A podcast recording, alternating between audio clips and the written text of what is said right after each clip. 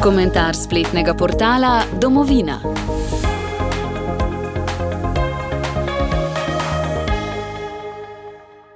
Ponovna izročitev zlatega častnega znaka svobode osamosvojiteljem. Kučan je odlikovanje razvrednotil, Pahor pa na novo ovrednotil. Tak naslov nosi komentar dr. Andreja Finka na portalu domovina.je.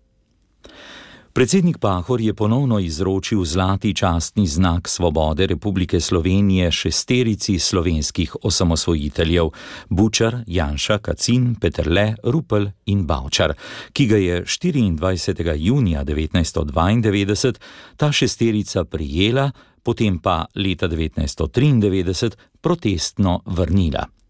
To je storila zato, ker je bilo prav tako odlikovanje podeljeno dr.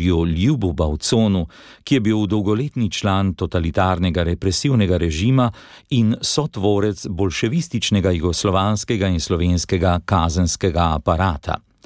Po Bavconu je bil zlati znak podeljen tudi dr. Janku Pleterskemu, očitnemu nasprotniku slovenske samostojnosti, ki je prav njej grozil z vsemi mogočimi negativnimi posledicami.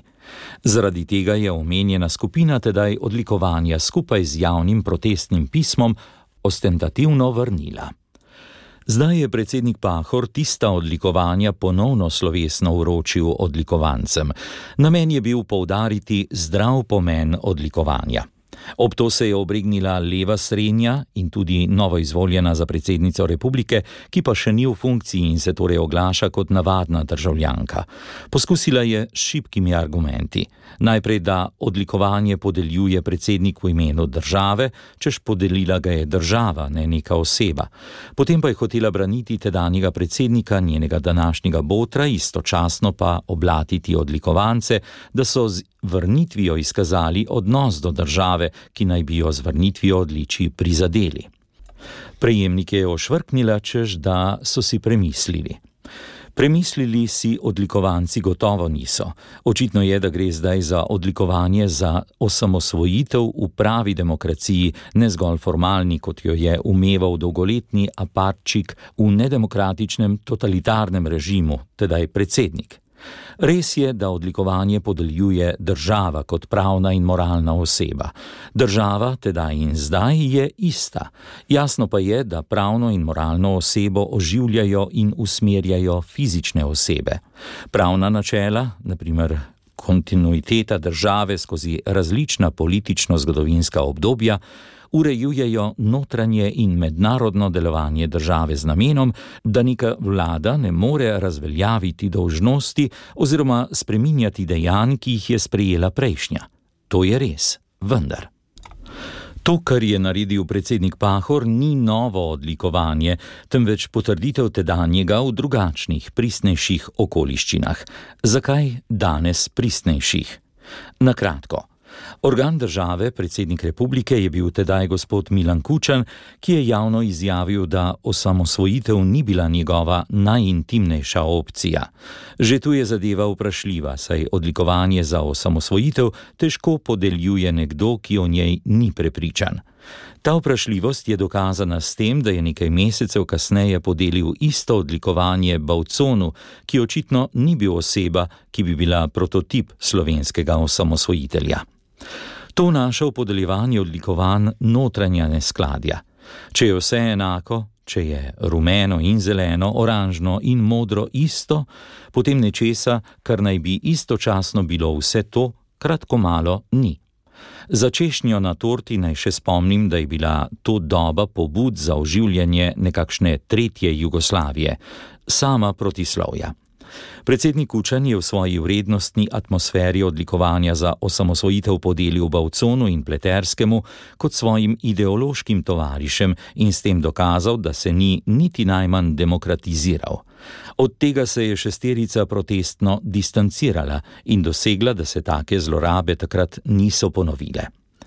Pahorjeva simbolna gesta danes sporoča nekaj različnega, zato so jo pristaši Kučana kritizirali. To, kar je delal nekdani predsednik Kučan s podelitvijo odlikovanj istočasno osamosvojiteljem in tistim, ki so globoko zasidrani v totalitarni Jugoslaviji, bili daleč od tega, so kontradiktorna dejanja, ki naj bi bila narejena v imenu iste države. Kakšna je bila volja države, ki jo je predstavljal predsednik Kučan?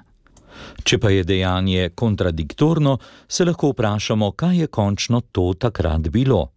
Država kot pravna oseba bi od svojega tedanjega predstavnika, predsednika republike Milana Kučana, lahko celo zahtevala pojasnilo in ga klicala na odgovor. Kaj je sploh ta organ s svojim dejanjem hotel sporočiti?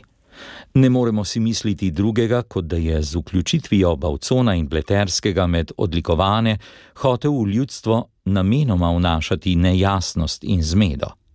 Soglašam s tistimi, ki so v tem videli in še danes vidijo vsaj poskus razvrednotenja slovenske samostojnosti, če ne česa več. Zato je sedanje dejanje predsednika Pahorja le ponovna, a pristnejša izročitev, ne drugačna volja države. Volja države je ista. Velika razlika je pa v tem, da je zdaj ta volja čista, medtem ko je v Kučanovem primeru bila umazana v navednicah. Zato je predsednik Pahor upravičeno dejal na svoje vrstni slovesnosti, da je prav, da so zdaj stvari na pravem mestu. Na pravo mesto je v naši državi treba postaviti še marsikaj, prav pa je, da je bilo to storjeno. Kučan je razvrednotil odlikovanje, Pahor pa na novo ovrednotil. Razvrednoteno odlikovanje naj kot tako ostaja v rokah pokojnih Bovcona in Pleterskega. Gospa Nataša Pirc-Musar je ob tem hotela pokazati smer bodočega predsedovanja in je napovedala, da bo naša država pod mojim vodenjem usmerjena v prihodnost. Zelo prav, a v kakšno? Menda ne v opevanja, naprimer domnevne dražgoške bitke in podobnih fikcij, kot da s tem skrbi za demokratični jutri.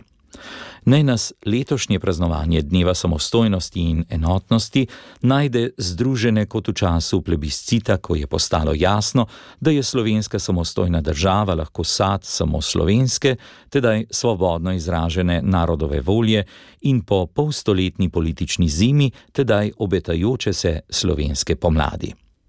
Tako je na portalu domovina.je razmišljal profesor dr. Andrej Fink. Komentar spletnega portala Domovina.